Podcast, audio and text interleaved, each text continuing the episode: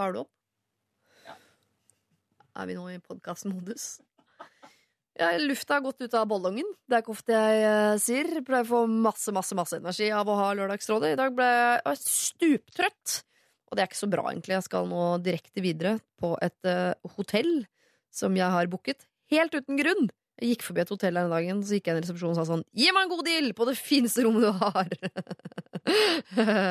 og så fikk jeg 1049 for uh, overnatting og frokost. Så sa jeg jeg tar det, min gode herremann. Så i natt skal jeg bo på hotell helt uten grunn. Skal ta med meg begge kidsa. Da. Vi skal bare bo på hotell fordi uh, både jeg og i hvert fall min sønn Vi elsker å bare gå i sokkelesten. Og det kan man gjøre på jobb, på danskebåt og andre båter, og på hotell. Der kan man gå i sokkelesten hele tiden uansett hvor man går. Selv om mannen blir eh, flau over at man går inn i à la carte-restauranten i sokkelesten, så gjør min lille familie det. I hvert fall jeg og sønnen min gjør det. Og det skal vi gjøre fra nå om en time og helt til langt utpå dagen i morgen. Bare tasse rundt i sokkelesten, og det blir altså så digg. Og det passer perfekt til mitt litt sånn trøtte vesen som jeg har uh, fått over meg nå. Uh, Kos deg med podkast, da. Jeg glemte å si noe om det, men du veit jo sjøl at du har lasta ned en podkast. Eller er du gæren? P3. Dette er Lørdagsrådet med Siri Kristiansen. på P3. P3. God morgen, du hører på Lørdagsrådet, og jeg heter da Siri Kristiansen. Hyggelig at du hører på. Jeg har eh, delt eh, dere som hører på, inn i tre grupper, egentlig. Det er dere som har problemer nå, som må ta tas, eh, tas tak i rett og slett akkurat nå. Og så har vi dere som har problemer som burde vært tatt tak i for lenge siden. Og så har vi dere som egentlig ikke har et problem nå, men som skisserer potensielle problemer som måtte komme. Og jeg syns synd på dere alle sammen, det er ikke det, men det er verst for dere som har gamle, eh, potente, vanskelige problemer som burde vært gjort noe med for lenge siden, og hvor toget nå kanskje har gått fordi man ikke turte å ta tak i det tidligere. Og nå er problemet verre, det er vokst, og kanskje du må ta tak i det nå, som det er enda verre, men det kan være for sent for en god løsning. Og til dere som står midt oppi et problem som er akkurat nå, så er jo selvfølgelig det vondt, fordi det er vondt å stå midt i et problem, men det skal være vondt før det blir bedre. Men pass på da at dere ikke faller inn i forrige gruppe, hvor toget plutselig har gått og problemet har vokst og du ikke gjort noen ting, og alt blir bare egentlig mye verre. Det eneste som forsvinner, er muligheten for en god løsning. Og så har vi dere i siste kategori, altså dere som egentlig ikke har et problem akkurat nå, men som sitter da med den glasskula og ser etter potensielle problemer i fremtiden. Det i seg selv er jo et problem, og jeg har masse forståelse for at man uh, gjør det, men jeg vil ikke at det skal ødelegge muligheten til å ha det bra. Fordi hvis det bare fins disse tre gruppene å være i, og det ikke fins en gruppe som fins som heter 'Jeg har det bra', så er det jo nesten litt sånn meningsløst å jakte på noe som helst. Og eh, jeg skal ikke komme med noen sånne lev i nuet-formaninger. Det fins nok bøker om det greiene der. Eh, men jeg mener jo at dere i den gruppen har størst mulighet til å eh, være en av de som har det bra. Lørdagsrådet. På P3. P3. For en uh, uke siden så var eh, Linnea Myhre her sammen med Mats Eldøen og Ken Vasenius uh, Nilsen. Og vi tok jo mange av de problemene vi hadde fått inn, og så tok vi inn et problem som vi egentlig ikke hadde fått inn, for det var et spørsmål som var sendt til P3 Morgen i utgangspunktet, men som P3 Morgen så elskverdig sendte videre til oss, og tenkte vel at vi var en bedre gjeng til å svare på dette. Om vi var det, det er jeg litt usikker på nå, sånn i retrospekt, eh, men vi gjorde så godt vi kunne eh, med de eh, moralske kompassene vi jo har til enhver tid. Problemet var sendt inn fra en som heter Tone, som hadde funnet penger på bakken uten lommebok eller bankkort eller noe som helst form for mulighet til å eh, identifisere eieren bak pengene, og lurte på litt sånn generelt hvor går grensen? Hvor mye penger kan jeg finne? Uten å levere dem til politiet, rett og slett. Og her er noen av tankene rundt det som Linnea, Mats og Ken kom med. P3. 10 000, 15 000, 15 000. Ja, 15 000? ja, i hvert fall fem- 5000, Ja. eh, vil jeg i hvert fall si. Altså, jeg tror ikke jeg er riktig person å spørre. Jeg tror jeg har tatt penger fra lommebok med Bankkort. eh, med bankkort.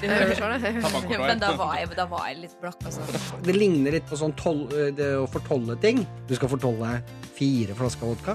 Er du idiot, liksom? Bare, du må bare ta det med. altså hvor, hvor mye finner lønn uh, ligger på om dagen? Er det 10 Det skal jo være 10% men det er dår- for Men- dårlig på å opprettholde. Altså. Jeg tenker også at liksom, hvis det går over 10 000, så tenker jeg at de pengene kommer fra en narkohandel, Det er et godt poeng. så kommer, det til å bli, da kommer det noen til Ja. å komme og finne meg og knekke beina mine. Hadde jeg funnet en koffert med 50 000, så hadde jeg vel aldri klart å gi det fra meg. Altså, jeg hadde ikke hatt snubbesjans i helvete til å gi fra meg de pengene. Moralen for meg går ingen steder når det handler om penger. Det er kun frykt for å øh, bli tatt. Jeg liker også at man fortsatt, når man snakker om for eksempel den summen du nevnte nå, 50 000, så tror man at det skal være en koffert. Ja. Uh, og det er så lite i koffert. det. Er 50 000 lapper oppi der. Det er ingenting. Det ligger bare på bunnen der. Altså, når en koffert er full av penger, hvor mye penger er det oppi der? Det er flere milliarder. Dette er Lørdagsrådet På P3. P3. Denne moralske diskusjonen øh, på hvor grensen går for hvor mye penger man kan ta vare på hvis man øh, finner dem uten å kontakte politiet, den har vi filmet. Og vi har lagt den ut på Lørdagsrådet sin Facebook-side hvis du vil øh, se hvordan vi ser ut her vi sitter i studio lørdag etter lørdag. Og du må gjerne også kommentere hvis du har noen andre grenser for hvor du mener at det er greit å ta vare på penger eller ikke. Vi har fått en uh, ny mail fra Tone. Denne gangen fikk vi den, og ikke P3 Morgen, for uh, Tone hun uh, skriver her. Ha-ha, så moro at P3 Morgen sendte spørsmålet til dere i Lørdagsrådet. Dere aner ikke hvor høyt jeg lo av overraskelsen da spørsmålet ble lest opp. Men jeg må ærlig innrømme at jeg ble overrasket også over konklusjonen. Det var en høy grense. En mer pengeglad gjeng skal du lette lenge etter. En grense på minst 10 000 kroner, fordi da får man en grei sum i finnerlønn. Deres. Og så sender hun da uttrykksikonet med eh, grinefjes. Jeg hadde ikke klart å beholde pengene om jeg hadde funnet 1000 kroner en gang. Og så sender hun uttrykksikonet eh, smilefjes igjen. 100 kroner er nok premie for meg. Jeg er eh, fast Lørdagsrådet-lytter. Keep up the good work. Klem fra eh, Tone. Sorry, Tone. Vi har andre grenser enn deg. Andre, uh, annen moral, annen uh, etikk og kanskje en annen eh, teft for penger. Eller en annen lukt rundt penger, eller en annen griskhet. Eller bare et mer forkvakla sinn enn det du har. At du allikevel hører på rådene våre, det setter vi jo pris på. da. Jeg tar det til etterretning, altså. At vi som sitter her, kanskje ikke alltid skal få lov til å sette moralske grenser for andre. P3. Dette er NRK P3. Det er veldig eh, hyggelig å ha med seg deg, Line Ulsås Hagen. For du har jo vært rådgiver her eh, før. Tusen ganger. Nei, jeg har ikke det. Men dere liker meg ganske godt, da, tydeligvis. Ja, Hvor mange har du hørt det? Jeg vet ikke, Kanskje to eller noe. Ja, Kristian Strand har vært der ni eller noe sånt. Så altså, hvis du gjør om det til prosent, så ligger du der et sted. Da. Jenta med rosa håret er du kjent som, og du sitter ved siden av eh, to unge gutter vi aldri har hatt som rådgivere før. En skjult humorperle fra NRK-korridorene her. Eh, Nicolay Ramm, god morgen. God morgen, god morgen. Hvorfor er du, eh, blir du lei deg når jeg sier skjult humorperle? Eh, Jeg vet ikke hva du mener med skjult. Er jeg litt skjult? Ja, fordi min mor ville sagt at du er den morsomste i hele Norge. Oi. Eh, men så samtidig er du litt sånn skjult. Ja, det er, jeg er jo i sporten, da. Ja. Så det er på en måte ikke der man forventer å finne humor, kanskje. Det er det, ja. Ja, det er nok det. Det er morsomt, det er bare scenen som er eh, ukjent. Det er akkurat det. Du sitter ved siden av en annen ung komiker, Henrik Fladseth. God morgen. God morgen. Er jeg skjult? Jeg var usikker på hva jeg skulle si der. Altså, la oss si, vi er, vi er ikke en, en Han er er ikke fordi en du aldri ser på A-kjendiser her i dag. Det må vi jo kunne Nei, innrømme. Men uh, jeg skrev jo på Facebook om deg, Henrik, at du, har, du går i fotsporene til Jenny Skavlan. Uh, slår deg opp på pizzareklame, og så skal du skyte mot stjernene derfra. Oh, ja, det starter alle, det, Vi starter der. Ja. I pizzaverden. Hvilken pizza var du Peppes. Digg. Reklamerte du for Peppes? Ja. Jeg er helt skamløs. Ja, altså, det er bare, hvis jeg først skulle reklamere for en pizza, hadde det jo vært en pizza jeg var glad i. Er du glad i Peppes? Jeg syns ikke den er vond. Jeg syns Peppes er den dårligste pizzaen. Jeg er helt enig. Må innrømme. Men hva skal jeg, skal jeg tatt uh, Hva heter de store, der oppe på, på Løkka? De trendy pizzastedene på Løkka, da? Eller hva er det? De legger jo en del penger i PR, har jeg hørt. Så sånn, nei, men kanskje Flamingo? Jeg så en veldig morsom uh, anmeldelse av den pizzarestauranten som heter Mangiano, eller noe sånt, som ligger uh, Hva heter den kjente? Den uh, Peppes Pizza? Nei, på hjørnet. På hjørnet. Nei, den på hjørnet. Villa Den- Paradiso. Villa Paradiso. Mm. Og den Magiano-anmeldelsen var Hvis uh, det er fullt på Villa Paradiso, så er Mangiano et fullverdig alternativ. De bare godtar å ikke være best. Villa Paradiso sitter så fint i det, da. De er, har det så greit, de. Men jeg liker hvordan det er gjort, ut, eh, gjort om også det uh, italienske verbet manger, eller kanskje fransk, til en restaurant. Eh, Jeg vet ikke hva det betyr. Mangiano, hva betyr det da? Manger Spise betyr å spise. da. Ja, ja, det er å Så- spise. Men hva er da mangiano? Er det Det klinger kult, tenker jeg. Nei, jeg vet ikke. Spis Altså en bøyning heter spiser. Fortell litt om deg selv, da, Nikolai. Jeg er litt nysgjerrig på om meg? ja. Nei, Er du sportsjournalist, liksom? Og så bare var Jeg var morsom i tillegg, eller? Ja, jeg var jo det i bånn. Ja. Men så har jeg liksom et sånt uh, lite humorhjerte, da. Ja. Som jeg liker å vise fram av og til. Og så har jeg fått lov til å gjøre det. Ganske fritt, egentlig. Ja. Eh, så, så har det blitt mitt eh, levebrød. Er det mange andre i sporten som er misunnelige, som har prøvd i mange år på å karre til seg den plassen der, men ikke vært morsomme nok? Ja, Det har jo vært noen rare innslag opp gjennom årene med de profilene som er der fra før. Og så har ikke det vært noen sånn kjempe, kjempesuksess, da. nei. Men Anne Rimmen hilser på deg, sånn. de er ikke sure på deg? De... Nei da, vi hilser. Ja. Absolutt. Ja. Men jeg er litt sånn alene, da. Jeg sitter borti min egen krok og driver med dere humorgreiene mine, mens alle andre driver med vanlig sportsjournalistikk. da. Åssen er det for deg å være på julebord med de andre kjedelige kollegaene dine? Må, må du bidra i større grad? Det er jo det jeg blir jo spurt hver gang, da, for Ja. å holde noen taler og sånn. Det er jo ikke noe gøy. Men ok, Ram, nå er det du han morsomme. Ta så sin, dra noen jokes, da. Sånn er det. Å nei, så grusomt. Ja, Dra er noen jokes! Det ser helt forferdelig ut. Si noe morsomt om Petter Northug, da. Oi, ja, det er jo Ikke be meg om det, men jeg tenker at det, det kanskje er en av de lettere utfordringene man kan få. Ja. Da er det bedre for deg, Henrik Fladseth, som jo har så mange morsomme rundt deg, at dere kan dele på oppgaven om å være klovn på fest. Mm. Fortell litt om deg selv, da. Fra Bekkelaget i Oslo. Ja, Mm. that's it. Det er, ja, det er, vi må starte et sted, da. Ja. Gi meg litt tid der. Ja. Jeg kan snakke hele morgenkvisten, jeg, hvis det er det du Det er. Eh, ja, Vokst opp i Granstveien 10V. Så nå ligger eh, mellom eh, Nei, ok. Nei, Så gikk jeg på skoler der oppe. Så begynte jeg på dramalinje etter hvert, eh, på Manglerud. Ja. Begynte med revy der, og digga det. Og da har jeg egentlig drevet med humor og teater og sånn siden Det er ikke noe første overraskelse for foreldre. Du måtte ikke ut av humorskapet på noe tidspunkt overfor mor og far. Nei, jeg tror det er litt letta, og at det har gått greit. Ja. At jeg har på en måte funnet en slags retning. Ja. Fordi jeg tror De tenkte at hva var fader, er det han Men eh, det tror jeg alles foreldre Ja. tenkte. er det humorforeldre. De har det jævlig noen år, altså. Mormora mi er For de syns jo ikke De har jo en helt annen humor ofte. ikke sant? De er mye eldre. De Ja. syns jo ikke det er morsomt selv, så de klarer ikke å se. De har ikke noe radar på det. De tenker han har ikke noe talent i det hele tatt. Nei, dette her syns jo ikke det er morsomt i det hele tatt. Dødskjedelig, han eh, yngstemann. Eller er du yngstemann? Ja. Er du det? Mm. Det er bra tippa av meg.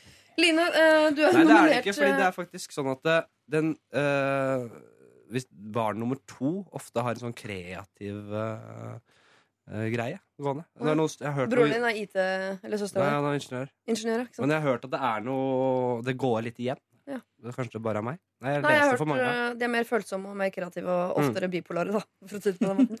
Åssen er det med deg, Line? Er du Bipolar, yngstemann? Bipolar? Er du bipolar? Hva sa du? Der. Er du yngstemann? Har du søsken? Eh, ja, jeg er yngst. Kreativ og følsom type? Ja, helt klart. Du er nominert til Gullruten. Ja. For hva da? eh, Beste reality. Ja. Mm. Som eh, jeg ikke visste jeg var, men tydeligvis er jeg det. Så det er eh, kjempestas, selvfølgelig. Ja. Du håper på å gå på scenen der? Ta imot pris? Altså, det hadde jo vært sett Det hadde vært veldig flott, det, da. Men jeg tror jeg har ganske hard konkurranse. Så jeg tror ikke Ja. Men det er gøy å være nominert, som man sier. Vi tar en kjapp runde på alder, bare. Eh, Line, du er 25. 27. Nikolai, 27.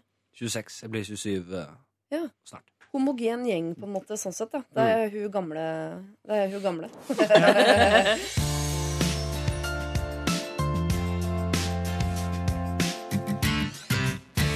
jeg har begynt å date en gutt. Det vil si, vi er snart inne i vår sjette måned på dateren. Vi er ikke offisielt kjærester, men holder oss kun til hverandre og er sammen masse. Jeg liker han veldig godt, vi har det veldig gøy sammen og er veldig like på mange områder. Men til tross for mange likheter har vi enda flere ulikheter. Han er nemlig pakistansk, og han er muslim. Og selv om han er oppvokst i Norge, så har han en annen kultur og bakgrunn enn meg. For jeg er nemlig kristen, til den grad at jeg er døpt og konfirmert, og vil gjerne gifte meg i kirken. Bortsett fra det så ofrer jeg ikke eh, mye tanker til religion og den slags.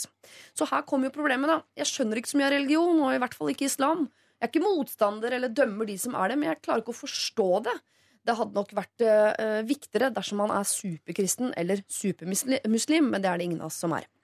Jeg føler at våre grunnleggende byggeklosser er forskjellige. Det som virkelig sier hvem vi er, er annerledes. Hvis vi snakker om religion, blir diskusjonen eh, kanskje heftig, og det kommer bare tydeligere fram hvor annerledes vi er, og kanskje at vi ikke passer sammen. Så hva skal jeg gjøre, da? Skal jeg dumpe han fordi vi ikke har en framtid? Eller skal jeg prøve å glemme det, og heller utnytte her og nå, og ikke tenke så mye på framtiden?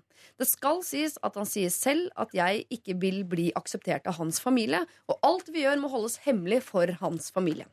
Skal han til meg, er han liksom hos en kompis. Jeg håper på kloke råd og tips. Hilsen 21 år gammel jente. Kall meg Britt. Eh, hun er yngre enn dere alle sammen. Eh, Og jeg har ikke spurt om dere er single. Jeg har heller ikke spurt dere om hvilket livssyn dere har. Line, åssen er du der?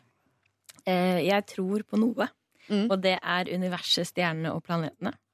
Har det et navn? det greiene der? Nei, det heter gæren? universet, stjernene og planetene. Og jeg er eh, fortsatt singel. Singel og tro på universet, planetene og stjernene. Ja, Nikolai? Mm. Ja da, jeg har, jeg har kjæreste. Ja. Mm. Det er veldig hyggelig. Ja. Om jeg tror på noe? Ja. Eh, nei, egentlig ikke. Jeg er nokså sånn realist av meg. Ja. Realist. Hatt for mye fysikk og kjemi på skolen til å tro på noe guddommelige greier. Ok. Mm. Åssen er det med deg, Henrik? Um, Singel. Ja. Tror også på universet og stjernene. Det er Veldig fint sagt. Eh, Oi, her ser det ut som Men eh, eh, vi kan jeg, gå tror, jeg, tror, um, jeg tror også vi Jeg tror at vi vet veldig lite. Ja. Så jeg er, veldig, jeg er veldig fan av vitenskap og, og det å søke etter sannheter. Og så langt så har vi ikke kommet så langt, da. Så å avskrive noen form for kraft, det vil jeg ikke gjøre. Men Ja. jeg vil ikke si at jeg eh, tror på noe gud. Ikke i det hele tatt. Nei. Det vil si at vi har da Ikke, ikke, i den for, altså ikke Gud i den forstand at det som er skrevet, de menneskelige skriftene som beskriver en gud kanskje? Ja. Altså, du avskriver Jeg vil i hvert fall ikke avskrevet avskrive det helt. Nei, ok Tenker du at det er noe felles framtid her, eh, Nikolai? Jeg er litt usikker hvis han Sa du at han, han holder henne hemmelig for sine egne foreldre? Ja. Det er jo ikke et Det er, det er ikke et godt utgangspunkt, er det det? At han liksom eh, Hun er på en måte noe ulovlig, da, i hans eh, kultur. Nei. Men kan det ikke være litt eh, spennende, da? Å måtte skjule seg hele tida og liksom eh, alltid hviske seg liksom, Sende hemmelige SMS til hverandre. Og, og så er, er det jo kanskje litt digg å slippe den derre Nei, men seriøst, nå kommer mamma, du må nesten være med på den middagen også, liksom. Når du har allerede vært på kanskje altfor mange av de. Jeg, jeg tenker at det kanskje ikke er ja, At det kan være litt krydder, liksom. At du kan bruke den mystikken til noe liksom pirrende. Ja. Absolutt. Det er jeg helt enig i. Og så for all del, ikke dump han med en gang. Uh, lek deg litt med den. Uh, det må være spennende. Uh, så sier du snakker om eh, hvor dere skal gifte dere. Da har dere litt å, noen floker å løse opp i før eh, det blir aktuelt. Eh, men hvis det blir aktuelt, da, Ja. så tenker jeg da må dere må gå for den Hvem er det som uh, er mest religiøs, på en måte? Så hvis man, skal, hvis man krangler om uh, Begge har lyst til å gjøre noe på en lørdag, man har noen barn kanskje, eller et eller annet, forpliktelse hjemme, så må man finne ut av hvem har mest lyst. Så kanskje det er en uh, Man skal man følge der behovet er størst. ja, og. Sånn jeg ser det, så er det han som er uh, mest uh, troende. Ja. Kanskje hun bare skal finne seg i det og bli, Kanskje skal Bli konvertere? bli med på det. Kanskje konvertere litt. Men hva med, altså jeg bare tenker sånn, Apropos dette bryllupet, jeg skal ikke henge meg opp i det. Men uh, hun kan jo Jeg er liksom glad i sånn um, kilometer og sånn. At hun kan gå inn på Google Maps, altså mellom de ulike religiøse stedene, kirka og moskeen. Du kan liksom sette opp et telt i midten. Sånn kilometer, Kanskje ligger en Peppers Pizza der. Eller? for eksempel. Det er ikke sikkert det er så dumt. Nei. Men eh, er religion nødvendigvis noen større utfordring enn sånn forskjellig politisk ståsted eller forskjellige hobbyer eller geografi eller høyde, etternavn? Det er jo faktisk det. Hvis man virkelig er troende, så, så sa man jo, sånn jeg ser det, et helt annet verdensbilde. Da man tror at noen styrer ting. Ja. Eh, enn hvis man for eksempel er eh, ateist. Da. Og det å, ha, det, å, det å leve livet sitt med eh, det bakhodet at noen styrer deg, noen eh, har forutsett fremtiden, det er en vesentlig uh, forskjell. Da. Fra... da virker det som du mener at her er det ikke noe, nødvendigvis noe eh, lovende fremtid for disse to, men drit i det, kos dere enn så lenge. Ja, altså, her må de i hvert fall finne ut av noe, altså, hvis de skal uh, ha en fortid. Nei, en fremtid. Eh, Eller hva, hva? Men Britt er jo Er hun 21, er hun ikke det? Jo. Så hun er på en måte ikke i en, en, en alder hvor hun Hun kan få lov til å ha det litt moro fortsatt, kan hun ikke det? Jo, jeg syns hun er litt tidlig ute med å problematisere Ja. ting som kan bli vanskelig i et eventuelt bryllup der framme. Ja. Jeg. Men der er dere jenter like, da. Dere begynner å tenke på bryllup med en gang, liksom. Ja. Hei! jo, jeg vet, jeg, i hvert fall eh, mange av oss tenker fremover. Lenger fremover enn det gutter eh, er. Men jeg har en, jeg har en, jeg har en liten innvending her. Eh, religion er farlig. Ja. Død, altså livsfarlig. Og jeg ser for dødsfarlig. Det dødsfarlig. Ja, det er dødsfarlig, men det er det jeg mener. Fordi eh, For ikke så lenge siden så leste jeg om et religiøst drap mellom mann og kone. Um, uh, hvor det var uh, Altså, her var det vel kanskje ikke uh, hver sin trosretning, men det var likevel slags em, eh, Det var religiøse problemer som sto i veien. Altså, Og da tenker jeg Og da Å nei, stamper jeg inn i noe jeg ikke burde stampe inn i? Nei, jeg hører nå at du snakker annerledes, at du stotrer veldig. Og det er fordi du antagelig veit at du beveger deg inn i et litt sånn farlig, Nettopp. politisk ukorrekt Ja, eh. Ikke skrem ja. jentunga. Livet av jentunga. Nei, men jeg mener. Hvis hun blir helt crazy liksom og bare dreper han fordi det er noe han gjør som hun ikke liker, eksempel, at hun blir drevet til vanvidd, eller motsatt, at han blir gæren, at hun maser og at de skal ha prest hele tida, eksempel, i bryllupet eller et eller annet, Ja. så det kan fatalt Religion er farlig. Men du skal Var det farlig å si? Nei da, men det er veldig fint å ta med seg det regnestykket på sikt. Men akkurat her det er nå, eh, så uh, må de liksom gjøre det så farlig nå. Vi har jo ikke med å gjøre en, en voldsomt religiøs eh, person her. Han, han eh, muslimske gutten er jo ja, Han kommer fra muslimsk familie, med familie, men jeg fikk ikke inntrykk av at han går og ber hver dag, og det er hele rekka med Og hun er jo heller ikke supergæren kristen. Nei. Mm. Så vil det egentlig Altså, kan de ikke bare legge hele det der med religion død, da? Hvis ikke det er så veldig viktig? Ja. Men her er det familien som står i veien. Det er alltid det. Det er Ja, ja, alltid, ja. er alltid gamlefar som, uh, som fordømmer sønnen. Og du er Det ikke sønnen min lenger. Liksom. Han vil jo være sønnen til faren sin. Ja. Det er alltid problemet. Ja. Og så jeg tror ikke han er eh, Jeg tror ikke han er så troende, jeg heller. Men han, da er det alltid den der familiegreia. Men foreldrene er det sikkert. Foreldrene er nok det. Foreldrene er det. Lev liksom Romeo og Julie. Ja, ja, det er det jeg sier. at Det er, her er jo eh, Montagues og Capulets og hvordan skal vi få det til å fungere. Men jeg syns uansett liksom, Du er 21 år, uh, Britt. Eh, dere har ikke problemer egentlig nå. De problemene dere har, er at det kan bli problematisk i fremtiden. Per nå er det jo bare spennende og mystisk og pirrende, og dere må snike dere rundt sånn. Og de problemene dere har, er ikke deres, men familien sine problemer. Det syns jeg ikke man skal ta hensyn til akkurat nå. Man leste jo ikke etter livspartner eh, basert på hvem eh, foreldrene vil at du skal bli sammen med. Så eh, hvis jeg skal gi deg et råd eh, i dag, eh, så vil jeg si at det er eh, fortsett, kos deg, lev i mystikken. Utnytt det at dere må snike dere rundt. Kos deg med det. At dere er forskjellige, er jo bare kjempespennende. Og så eh, bare ha med i bakhodet at, eh, på sikt så kan det dukke opp noen problemer. Men det gjør det uansett i kjærligheten, hva enn det nå burde eh, være. Og da kan dere ta tak i det. Men ikke nå. Nå skal du kose deg.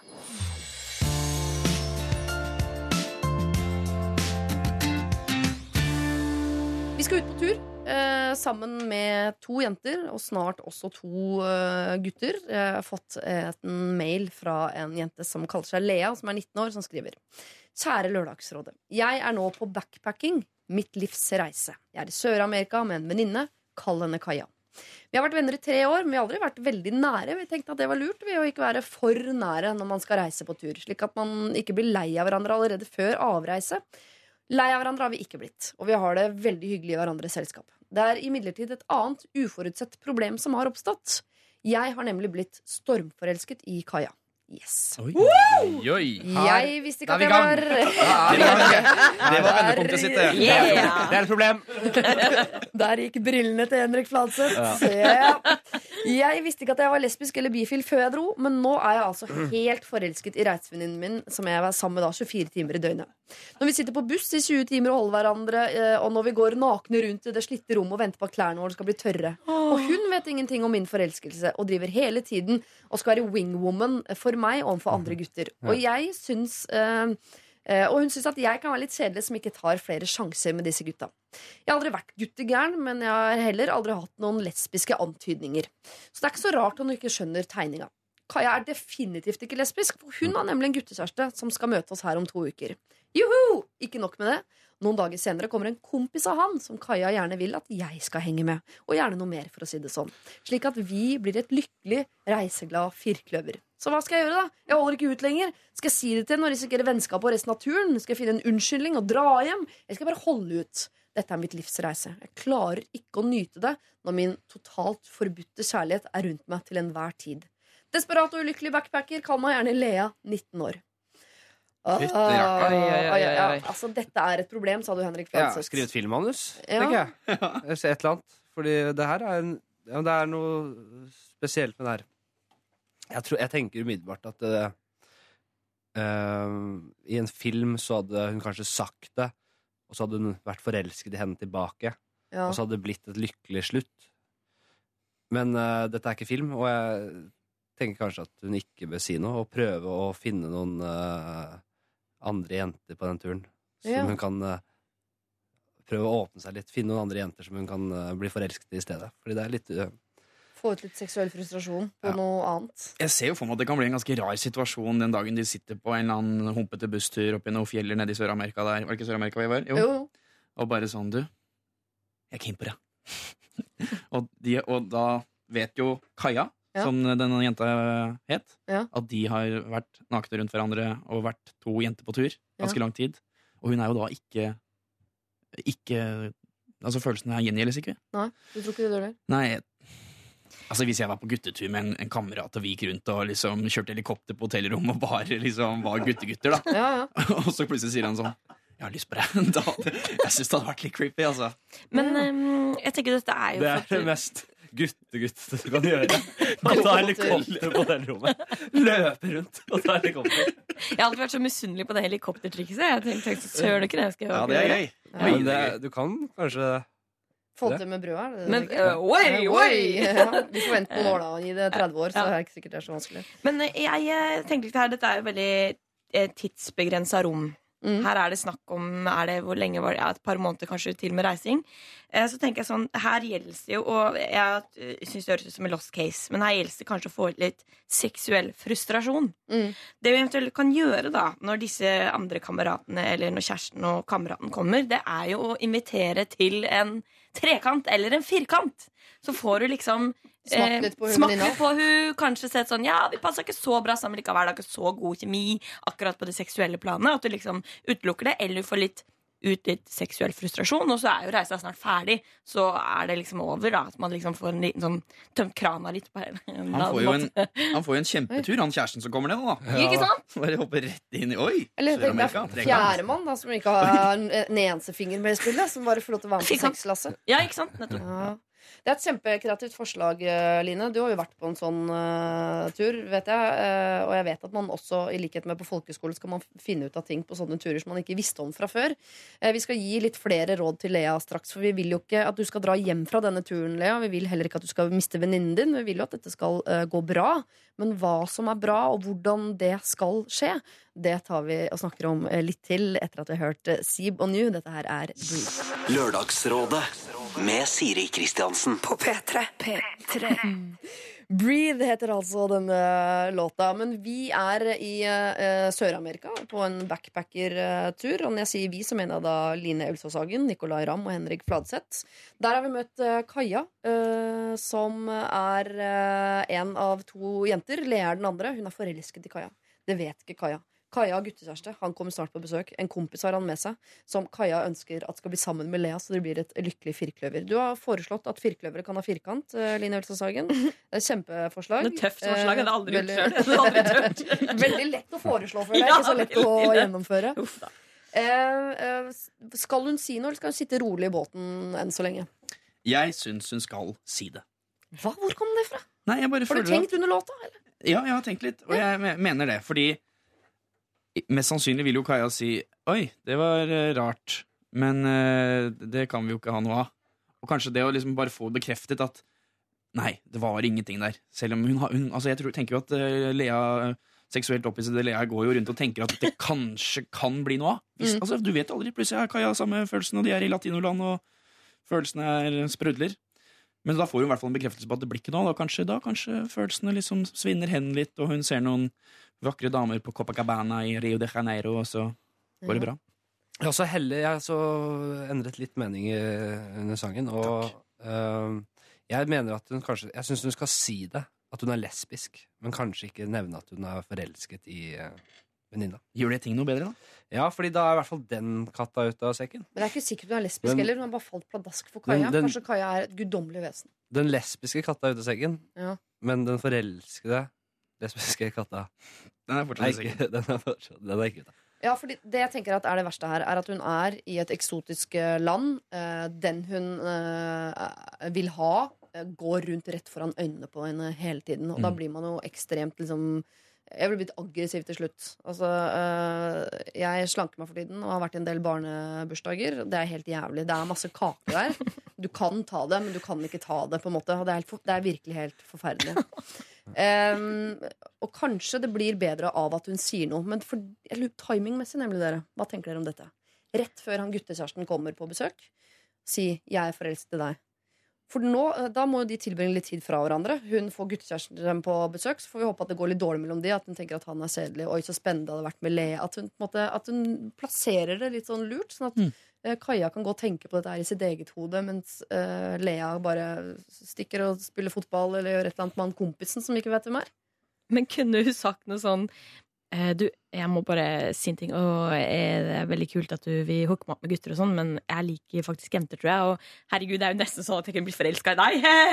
og så bare se hva hun reagerer på. Og så bare ja, ja, det hadde vært lol, eller hva, hvordan venninna hennes svarer, da. Ja. Og så bare sånn for å lufte litt, liksom. Så et frø, liksom. Så et frø, ja. Vente litt. Og kanskje ikke si sånn du, jeg er pladask i det her likevel, men eh, likevel bare sånn få lufta det litt, grann, og så kommer typen, og så kanskje ja, hun ser at du ikke er så kul likevel, eller ja.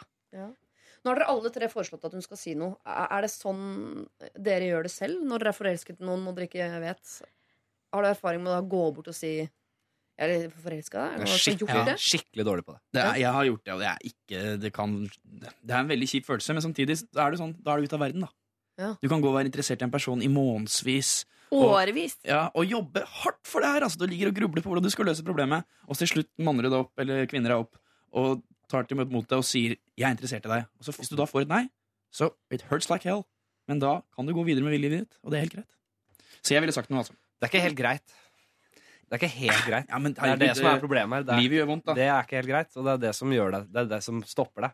Er at den er ganske vond, den der eh, eventuelle uh, det avslaget der. For er det på en pub med en eller annen du har sett i baren, så kan de si sånn Nei, nei, så svanser du videre til en ny pub. Ikke sant? Men her, Mm. de er uh, støkk sydd sammen ved hofta i uh, Latin-Amerika i sikkert tre måneder til. da Hun kan ikke si det på alvor. Jeg kjenner det nå. Hun må tulle med det, eller Ja. si bare at hun liker jenter, eller noe. Hun må moderere seg.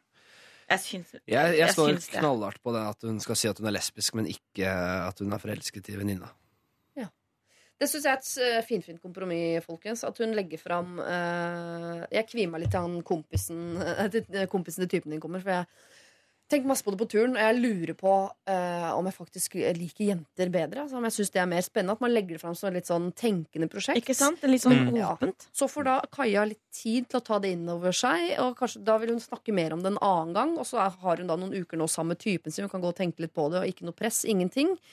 Og så får hun liksom planta dette frøet, og så kan vi se hvordan det går etter hvert. For du skal jo ikke hjem fra den turen, Lea. Nei. Og du må si noe til Kaja, men du skal kanskje ikke dumpe hele den i fanget på Kaja med en gang. Og dukker det opp en firkant, og så prøv det, da vel. Yeah!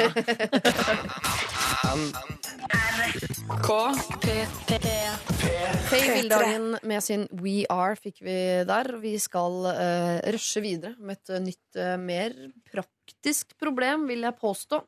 Rådgiver i dag er eh, Line Elvsåshagen, Henrik Fladseth og Nicolay Ramm. Kjære Lørdagsråd, jeg er veldig glad i å spille på Røde Kors sitt pantelotteri. Jeg får alle flaskene i kollektivet og samler innimellom med meg et par fra lesesalen, på jobb eller hos mine foreldre. Problemet er at jeg er fysen på naboens panteflasker. I trappeoppgangen i blokka der jeg bor, er det vinduer ut mot bakgården. Og hver dag når jeg går opp til leiligheten min, kan jeg se to store søppelsekker ute på balkongen til de som bor under meg. To store søppelsekker med flasker. Disse har stått der siden jeg flyttet inn i august, og for hver uke de ikke har pantet dem selv, føler jeg mer og mer at det ville være nærmest en tjeneste om jeg tok det fra dem. Vi har tilgang på naboens balkong via branntrapp, så selv gjennomføringen kunne lett ordnes. Da jeg snakket mye om dette i vinter, tvang en av jentene i kollektivet meg til å spørre de, istedenfor å bare stjele de. Så jeg spurte om de ville støtte Røde Kors og gi meg flaskene sine. De sa nei. De er et sted fra Øst-Europa, og jeg lurer på om de ikke helt skjønte hva jeg sa, men de sa nå uansett nei. Og hvis flaskene plutselig forsvinner, da er det vel ganske åpenbart hvem som har tatt dem. Skal også nevnes at jeg flytter ut om seks uker, så jeg kan jo rømme fra dem ganske kjapt etter dette brekket. Hva syns dere jeg skal gjøre? Med vennlig hilsen Panteren. Hva ville du gjort, Henrik Henrik Altså, det første jeg tenker, er å holde eh, dette mennesket langt unna Unibet og disse verstingene, altså. Fordi hun er jo her, hvis, hvis hun ryker på Hvis hun begynner å spille på spilleautomater på Narvesen og sånn, så tenker jeg at det kan gå skli helt ut. Du tenker at vi her har med en potensielt spillegal å gjøre? Ja, Ja. absolutt. At det er avhengighetsskap? Her må bør du bare ta det ved rota og prøve å, å gi det, altså. Ja, Du tenker preventivt, du. Ja, Ta, gjør dette som en øvelse. Se om du kan la være. så Om noen år så sier hun ja, det starta med flaskene og lotteriet på Og så skjærer det seg helt. Og så sklei det ut, ja. Så nå, nå, nå driver jeg med hundefighting og Hanekamp. hane- Hanekamp og- ja, kanskje det. Nei, hva var spørsmålet? Hva var det egentlig? Nei, Hun øh, spør jo rett og slett om øh, lov til å stjele to søppelsekker med flasker. Og det er jo på en måte søppel, eh, men det er jo også en økonomisk gevinst i det. Potensielt. Altså vinner, da. Eh, hvordan er det med ditt moralske kompass, Nikolai? Nei, det er eh, klart som dagen. Jeg gjør ikke noe gærent, jeg. Ja. Og det syns jeg ikke hun skal gjøre heller. For altså Hvor mye er det? To søppelsekker med panteflasker? Du kan vinne én million Men- på lotteriet! aller mest sannsynlig så putter hun den lappen inn, og så gir hun 35 kroner eller noe sånt til Røde Kors. Hurra. Ja. La det være, da. Må hun ha de flaskene? Kan hun ikke legge det fra seg? Jeg, jeg tar aldri den der lotteriet, for jeg vet at det er så liten sjanse for å vinne noe som helst. Ta og Les litt statistikk, du, jenta mi. Ja, du tar heller de 35 kronene. Ja. Ja. Det er fornuftig. Man kan vel bare støtte også, se på det som fordi eh, Når jeg leser dette problemet, så må jeg innrømme at jeg, jeg tenkte ikke så mye på det der at skulle spille og vinne og sånn. Jeg tenkte sånn, Her er det en som har lyst til å støtte Røde Kors. Ja. Nå virka jeg helt jo, det står masse penger eh, og råtner på en veranda et eller annet sted.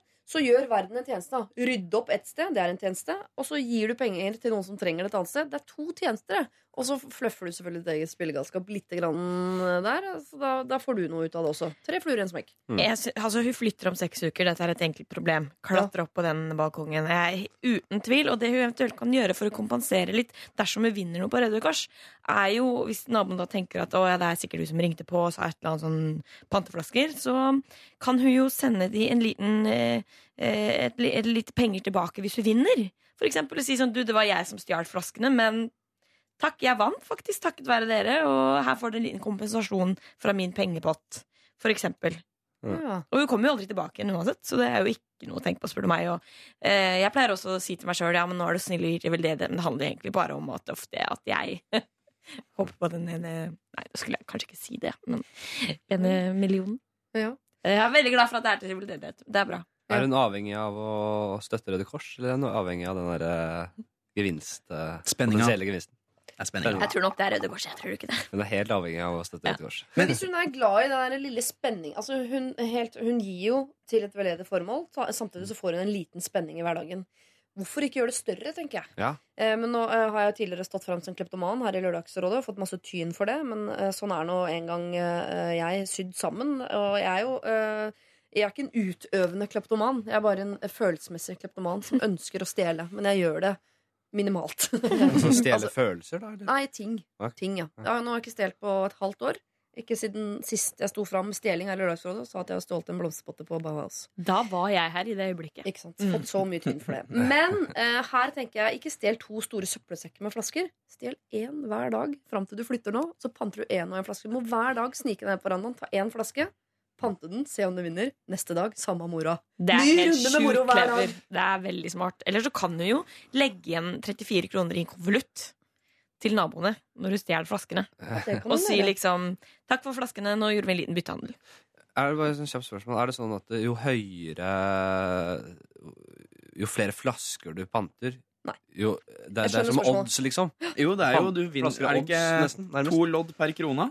Hvis du da panter for 35 kroner, så er det 70 lodd. Ja, men 70 om du panter på 35 kroner den dagen eller spredt over to uker, er jo matematisk nøyaktig det samme, eller? Ja, det er det. Ok, bra. Jeg ville bare Tusen takk. Men uh, ok, eh, ikke la meg bestemme dette, for jeg er jo eh, tørrlagt kleptoman. Uh, ta litt styring. Hvor det moralske kompasset ditt Nicolai, sier at Mhm. hun ikke skal gjøre noe galt. Så hun kan ikke stjele. Det syns jeg også. Ja. Og det sier du også, Nei, Henrik. ja, ta, ta noen flasker, det er ikke det.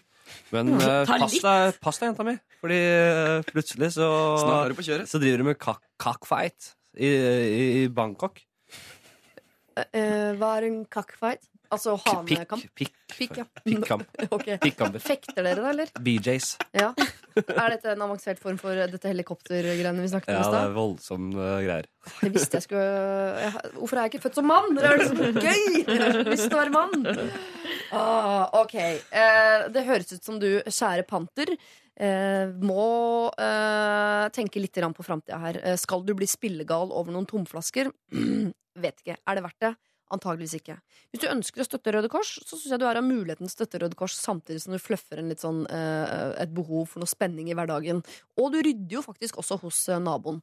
Ta litt og litt tomflasker, tenker jeg. Og så legge igjen noe penger, eller se hva de liker best av brus, og så setter hun en halvannen liters flaske med Coca-Cola, eller hva du nå uh, har som preferanse, nede på verandaen der. Uh, og så flytter du. Og så er ting løst, egentlig. Dette er Er P3. Lale med sin Bara for hva mig skjelv, eh, som er da svensk for å bare få lov til å være seg selv, og før det Ex-Ambassadors med sin Renegades. I dag er det Henrik Fladseth, uh, ung standup-komiker. Jeg sier ung, jeg. Hvor- Ja. 26, var det det du var? Ja, Når er det jeg blir gammel Ja, standup-komiker? det Fordi er lenge til. Ja. Mange år. Du kommer til å være ung til du er Hva med standup-komiker i sin beste alder? Standup-komiker i sin beste alder, Henrik Fladseth. Takk. Nicolay Ramm, eh, ung sportsjournalist med eh, to bein innafor humorsjangeren også. Eh, og Line Elvsås Hagen. Ung. Du er bare Bare ung. Bare ung. Dere, Vi skal ta tak i et problem som eh, dere kanskje er for unge til å ha tenkt på foreløpig, men eh, hva veit jeg? Jeg prøver. Kjære de og kloke rådgivere. Jeg har alltid vært veldig klar på at jeg ikke vil ha barn. Jeg fikk tvillingsøster i en alder av 14, som jeg passet nesten hele tiden de tre første årene, siden min mor fikk fødselsdepresjoner. Jeg forstår derfor godt hva det innebærer å ha barn, og jeg har tenkt at dette er ikke noe jeg vil, siden jeg ønsker å leve et mer fritt og enkelt og ansvarsløst liv. Jeg har også vært redd for at jeg ikke hadde vært en særlig god mor. For et år siden møtte jeg en mann som jeg nå er i et forhold med. Jeg er selv i slutten av 20-årene, han er noe eldre. Det har gått kjempebra helt siden starten. Vi er begge stupforelska, og jeg har en connection-mann som jeg ikke trodde var mulig for meg å ha med et annet menneske. Jeg har vært i forhold tidligere, men aldri følt det jeg føler nå. Og jeg har aldri så langt, eh, sett så langt inn i framtiden. Han har fullstendig endret minst, eh, mitt syn på livet og mine ønsker for framtiden. Vi er et så godt team at nå har jeg lyst til å både bli gift og få barn og øh, oppleve oss som foreldre. Så plutselig har jeg lyst på hele pakka, da. Ehm, denne pakka som jeg ikke eh, kunne forstå før at andre ønsket seg, fordi man var dømt til å feile i mine øyne. Men nå tror jeg vi kunne hatt en kjempekul liten familie. Vi er begge alternative på samme måte og fullstendig enige om hva vi tenker om oppdragelse og sånt. Jeg har lyst til å skape små mennesker og lære dem om verden. Gjøre alle de tingene som jeg før syntes hørtes slitsomt ut. Som å ta dem med på skogstur og på vitenskapelig museum. Ha bursdag for barn og våre egne juletradisjoner. Være familie, rett og slett. Dette har nå blitt en besettelse i mitt hode. I løpet av to uker har jeg gått fra å være hun som aldri vil ha barn, til hun som vil ha en hel flokk. Og jeg har alle barnenavnene klare. Mitt problem nå er jo, siden jeg har vært så tydelig på at jeg ikke vil ha barn helt siden starten, så lurer jeg på hvordan jeg skal nevne dette for han. Vi er veldig ferske, men det er også ganske seriøst. Og vi har tenkt å flytte sammen i løpet av sommeren. Vi har veldig god kommunikasjon og prater om alt, i hvert fall snart. Men jeg er redd for å skremme han på et vis. Ved å nevne barn så tidlig. Det er ikke noe jeg er klar for nå uansett, altså. Men jeg vil bare la han vite at han kan få lov til å tenke på, eh, på det. At det er en mulighet. Han har sagt tidligere at det var noe han så for seg at han skulle ha en gang. Men at han hadde eh, Men at han hadde lagt den tanken eh, fra seg fordi han fikk en diagnose med en mulig genetisk sykdom. Det har han kommet langt fra nå, altså. Det er ikke et stort hinder. Det, det står i parentes. Jeg har lyst til at dette kan være et tema vi kan prate om, spesielt fordi det er noe jeg tenker en del på. Og det er vanskelig ikke å dele alt jeg tenker på. Jeg tenker også at det er en slags kjærlighetserklæring, siden jeg nå har endret et så grunnleggende syn ved meg selv. Hilsen Amalie. Altså, uh, Amalie vil ikke ha barn, nå vil hun ha barn av han. eh, men så har hun sagt at hun ikke vil, og nå lurer hun på hva hun skal si om hun vil, osv. Kjapp runde på om dere vil ha barn selv, bare så det er greit å vite for eh, de som hører på. Line, Ja, jeg vil ha barn, ja. Du vil ha barn. Mm, ja jeg uh, syns folk er litt uh, teite når de sier «Å, 'jeg skal aldri ha barn'. Jeg har hørt så mange si det, og så går det sånn tre år eller noe, så sitter jeg på tjukka, liksom. Så jeg, jeg tror at det er veldig kult å få barn, og sikkert forferdelig slitsomt. Men jeg skal ha to eller tre. To eller tre? Jeg er veldig enig med deg, Line. Folk som sier at de ikke skal ha barn. Eller det gjelder alt, egentlig. Folk som, man kan ikke låse seg til noe. Fordi man blir eldre, man lærer nye ting, og man endrer uh, synspunkter. Så det er, du, sånn bør du leve livet, livet ditt. Ja. Så si akkurat nå vil jeg ikke ha barn, men hvem vet i fremtiden. Uh, jeg vil for øvrig ha barn.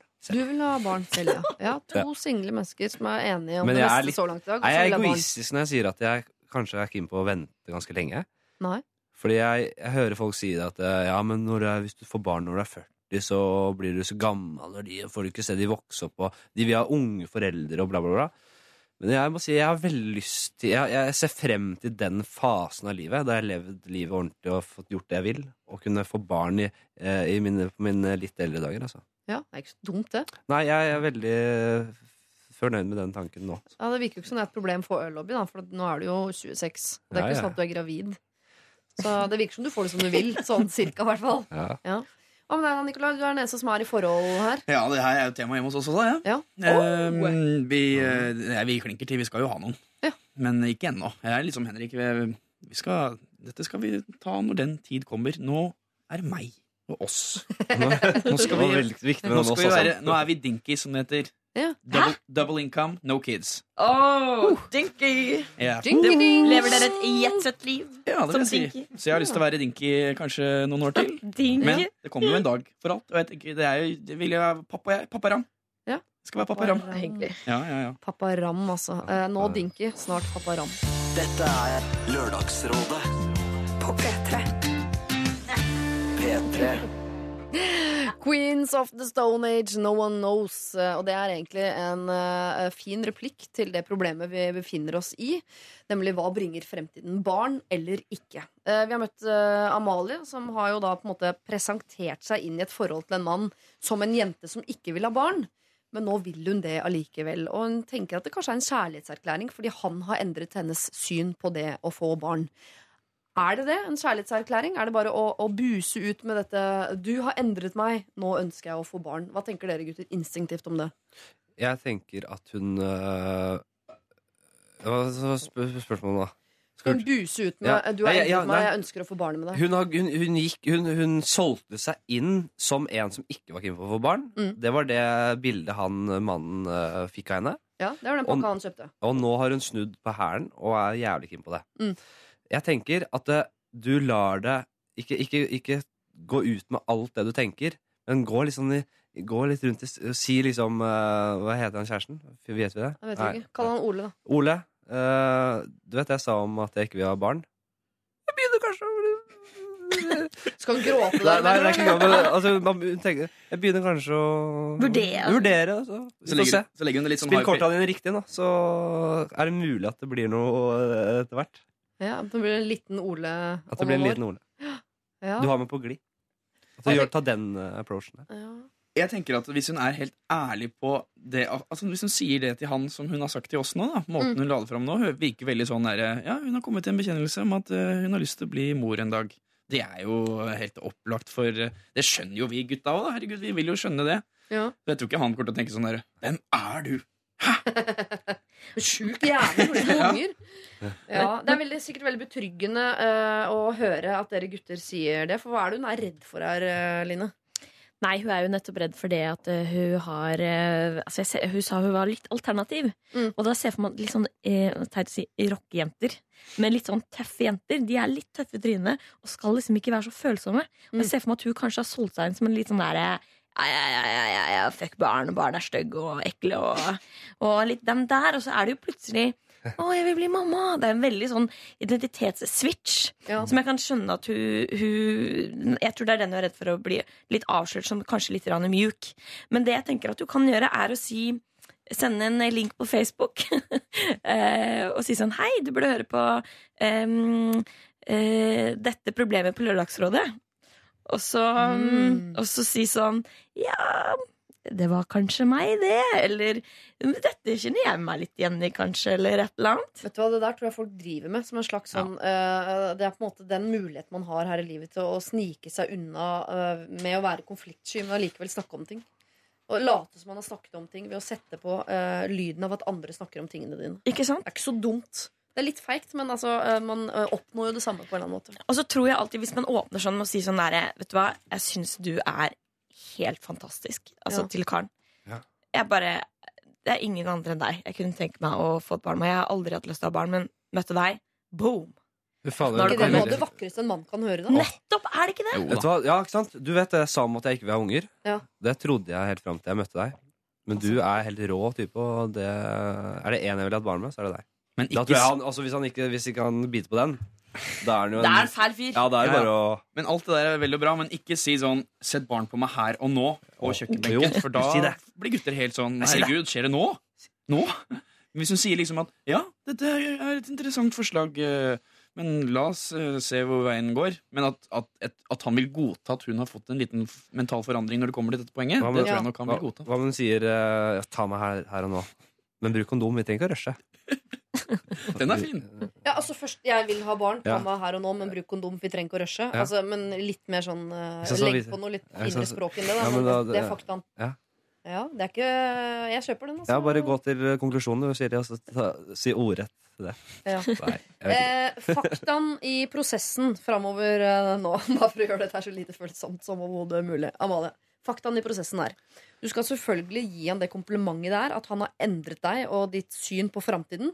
Han er en mann som du har lyst til å se små uh, blåkopier av uh, vandre rundt på stuegulvet. Det skal han vite. Samtidig så uh, skal du ikke skremme han bort. Så så er det rart at dere blir skremt av det, men det er greit. Så du, du sier ikke sånn 'jeg må ha barn nå'. Så da kan du nevne ord som kondom og sånn type ting. Altså det du sier er 'jeg vil ha barnet med deg'. Eh, ta meg her og nå, men bruk kondom. Vi har ikke dårlig tid. Og så skriver du noe mer poetisk rundt akkurat det der. Men det er faktaen som skal fram mellom deg og Ole, som vi har kalt mannen din. Hvis du som hører på har et problem, så send det inn eh, til oss. lralfakrøll.nrk.no. Vi sitter her fram til klokken tolv. Vi skal eh, en tur på folkeskole sammen med Magnus. Hvor, har du gått på folkeskole i Nei. Eltesagen? Nei. Har du, Nicolay Ramm? Nei, det er for bøgger. Jeg gikk i militæret, jeg, vet du. Henrik Fladseth? Ja! Du har vært på folkeskole. Romerike folkeskole Selvfølgelig. i Ikke sant? 2008-2009. Ja. Et nydelig år for meg. Ah, jeg ja. føler alle på folkehøyskole bare runker hverandre og klemmer. Å og ja da, for all del. Masse runking, masse klemming, og vi elsker det. Jeg skal ikke spekulere i hva Magnus driver med på folkeskole, men det jeg vet, er at han har gått der i snart et år. Han har fått seg en ny kjæreste, og han har hatt anledningen til å spille mye kort og brettspill. Problemet er at jeg mange ganger nå blir omtalt som en dårlig taper. Dette er nytt for meg. Jeg har alltid sett meg selv som en sportslig og inkluderende person, og mulig en smule sta, parentes, veldig sta. Det som hisser meg opp, er når ting som er basert på tilfeldigheter, går imot meg gang på gang. Særlig i Quiz Battle-appen på telefonen, som jeg har spilt mye med min kjæreste.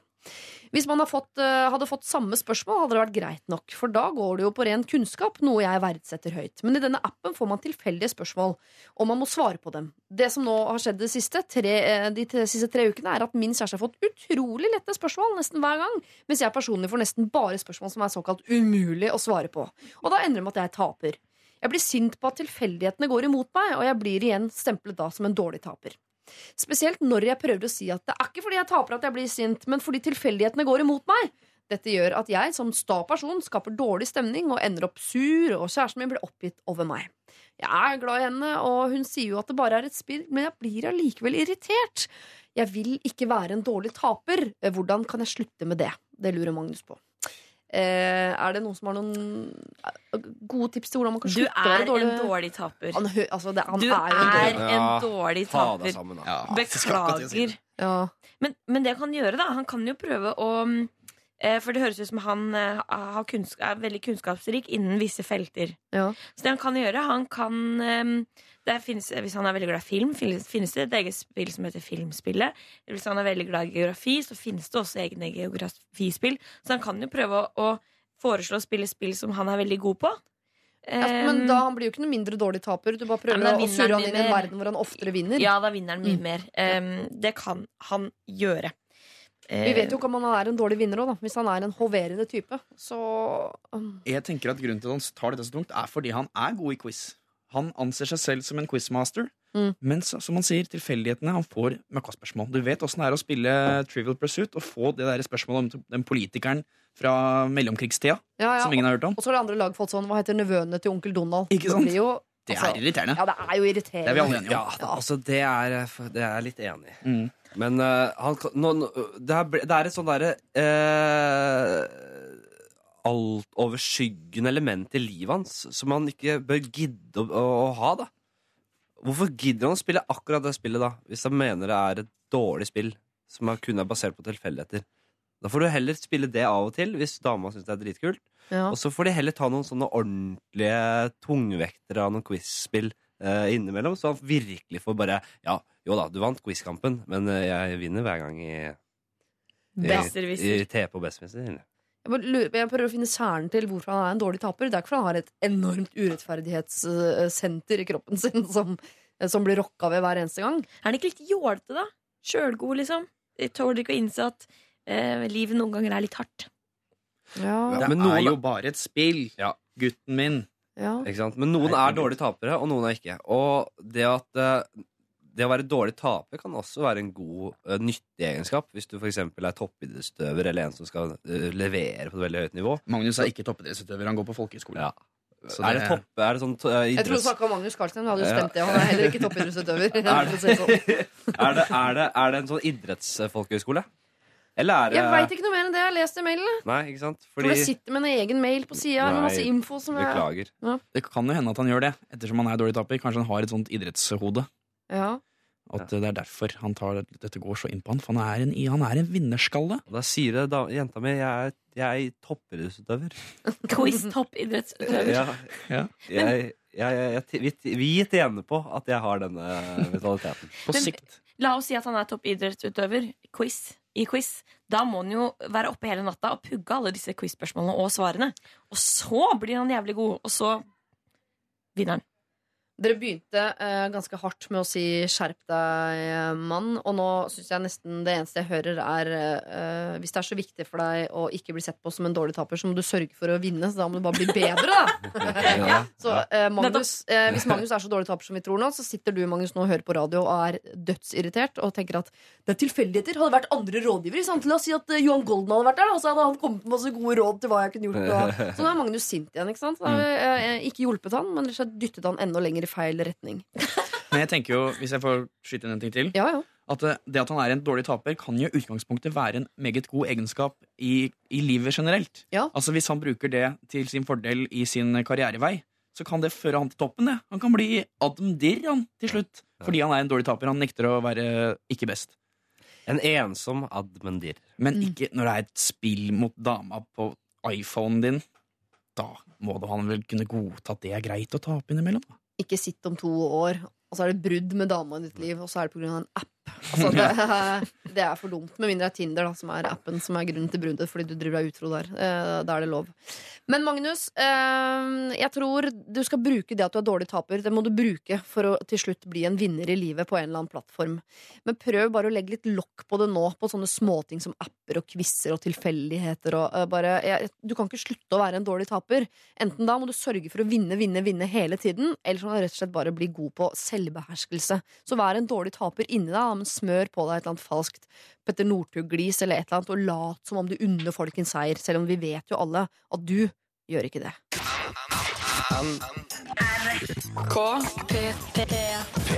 P3. Fått inn en uh, mail til lralfakrøll.nrk.no hvor det står 'Hei, kjære dere'. Og dere i dag er uh, Line Elvsås Hagen, Henrik Fladseth og Nikolai Ramm. Jeg har en slags stefar. Moren, sin, moren min skilte seg fra han for to år siden. Endelig. Han har vært i livet mitt fra jeg var noen måneder gammel, men da jeg var fem år, fikk jeg vite at han ikke var min ekte far. I løpet av de siste ti årene har jeg begynt å mislike han mer og mer pga. oppførselen hans. Jeg er kun datteren hans, da det er noe positivt. Det siste året har han vært sur på meg fordi jeg ikke ringer han, og han sier til søsteren min at hun eh, ikke må bli som meg, at jeg ikke oppnår noen ting, osv., osv. Etter alt jeg har hørt, syns jeg ikke han fortjener å være en del av livet mitt lenger. Men problemet er at jeg har to barn som ser på han som sin bestefar. Ikke det at jeg har sett han så mye, altså. Datteren min skal om to uker ha bursdagsselskap, og han er invitert, men han har sagt til min søster at han ikke er invitert, noe han jo er. Så har jeg sendt han en ekstra melding og spurt om han faktisk kommer. Jeg ser at han har lest meldingen, men han gidder da ikke å svare. Til sommeren skal jeg gifte meg, og han forventer at han skal følge meg ned kirkegulvet. Og moren min sier at det bør han få lov til, sammen med min ekte far. Men etter hans oppførsel nå, så har jeg eh, lyst til å sende han en melding og si at han ikke er invitert i verken bursdagsselskap eller bryllup, og at jeg ikke gidder å ha noe mer med han å gjøre. Men dette går jo utover barna, og han er ustabil nok til å komme med en haug av trusler. Nevnte jeg at han kastet meg ut hjemmefra da jeg var høygravid med min første datter? Hjelp, jeg trenger virkelig noen gode råd fra vakre dere. Hilsen hun, Synes det er jævlig trist at man ikke kan velge sin egen familie. Eller Pia, som jeg velger å kalle henne for enkelhets eh, skyld. Er det noen umiddelbare ja eller nei på dette? Hva tenker du, Henrik? Ja. Hva Eh, med Nikolai? Nei, jeg er nei. Nei. Eline? Ja, dump. To ja, ett nei. Vil du uh, utdype ditt nei først? Jeg syns det bunner ned i hva er eh, Hva med disse barna som ser på denne stefaren som en bestefar? Burde ikke deres eh, ønske om å vokse opp med en støttende bestefar gå foran hennes problemer med denne stefaren? Ja. Øh, det har jeg et motargument til, men eh, nå merker jeg jeg går inn i panel Merker jeg at jeg går rett inn i, i panelmodus. Ja. Hvorfor mener du at det er lov av Henrik Flatseth? Altså, må man ha en bestefar på død og liv, da, hvis han er en kjip fyr. Eh, og i hennes tilfelle så har hun ikke helt Hun har ikke klart å Hun har, ikke, hun har blitt på en måte tildelt en eh, familie på en eller annen måte. Men eh, det er ikke for sent å påvirke og ta valg i ditt eget liv. Og omgås med mennesker som gir deg positiv energi. Eh, og kvitte deg med de som gir deg det motsatte. Det, er, det, tror jeg, det tror jeg er veldig viktig, altså. Ja. Omgås mennesker som gir deg gode ting. Kvitt deg med mennesker som gir deg dårlige ting. Ja, Men familie er jo familie, er det Men ikke for, det? er han er ikke familie. Han er en dårlig fyr som eh, har blitt uh, prakka på henne. Ja, og så Dette her regner jeg med er en mann oppi åra. Og jeg tenker som så at um, selv om Jeg syns det er trist for at barna ikke får en bestefar, Mm. men han fyren her kommer mest sannsynlig ikke til å forandre seg.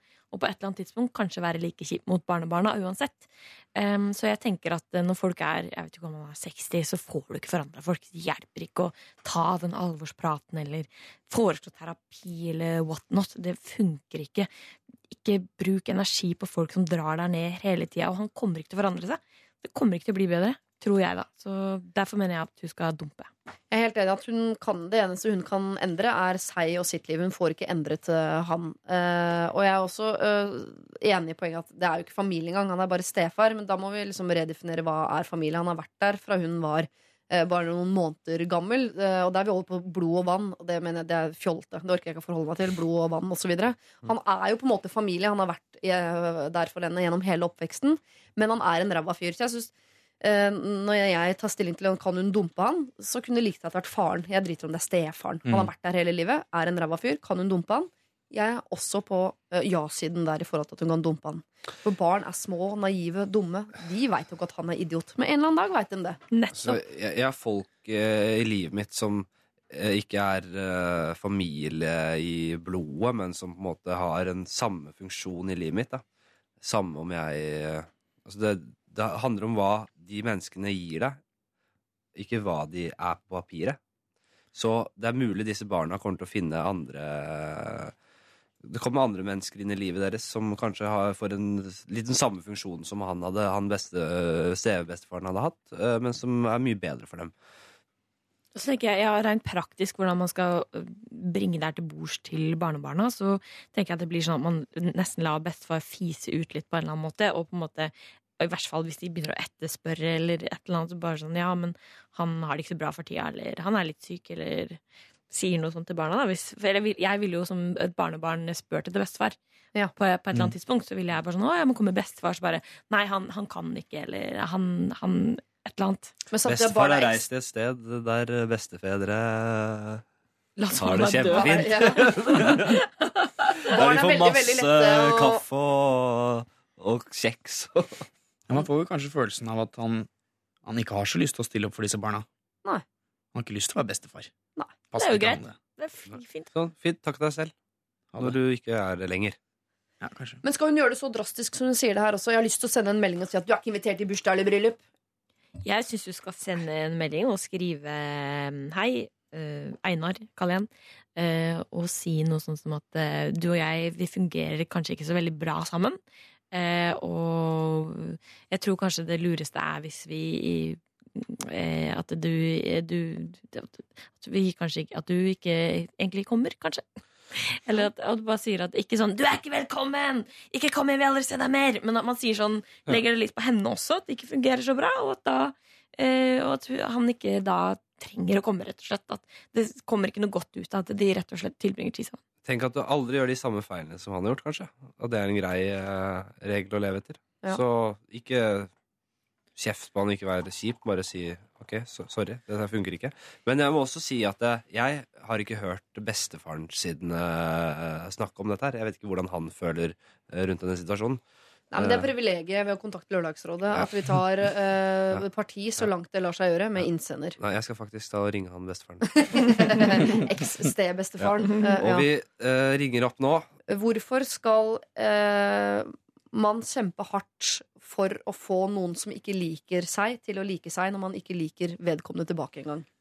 Da er- går jeg tilbake til det med at uh, her er de familiære bånd. Det er ikke en kompis som du kan på en måte fryse ut av livet. Disse barna har vokst opp med han. Mm. De vet hvem han er. Han er. De har skjønt familiesystemet, at det er foreldre, besteforeldre osv. Og, og bare liksom si at han ikke fins lenger til de barna. Vil ikke de kanskje ha lyst til å oppsøke han når de blir eldre? Kan ikke, kanskje, bør ikke de barna Ring Tore på sporet, da. Ja, ikke sant? Men kanskje det blir en bra episode? Ja. Hun skal jo ikke drepe han. Nei. Ja, de kan finne henne når de blir eldre. For disse små barna vil det kanskje føles som han er tåt. Ja, men da kan jo de gjøre det på fritida. Skal de de, ta valget når de blir gamle Ja, igjen? Skal ikke sant? de ta valget? Dette her er eh, Det er sånn man bør eh, behandle unge Eller eh, dette er det sånn man bør gjøre med unger. At man eh, Ljuger hele tida. Nei, men- nei, men la de bestemme selv når de blir gamle nok. Eh, jeg vil bare si til slutt til deg som syns det er jævlig trist at man ikke kan velge sin egen familie. Eh, man kan det til en viss eh, grad. Og det du også skal være Nå vet jeg ikke hvor gamle barna dine er, men det du skal være eh, litt oppmerksom på, er at hvis du ikke liker denne stefaren, og han egentlig ikke liker deg så godt, så er det noe barna dine kommer til å merke. Det vil si at du preger dine barn på hvordan man behandler sine foreldre hvis de observerer hvordan du behandler din stefar. Og det er ikke noe du har lyst til å gi videre til barna dine. Så vil si at ikke bare fucker han opp ditt liv, man kan fucke opp på et eller annet eh, vis forholdet du har til dine barn også på sikt. Og den investeringen der eh, er du bare eh, nødt til å bli kvitt. Så jeg hiver meg på ja-lasset her, jeg. Du har selvfølgelig lov til å dumpe din eks-stefar, som er eks-stebestefar til dine barn. Men gjør det på utfisingplan. Vi fiser han ut litt over eh, tid.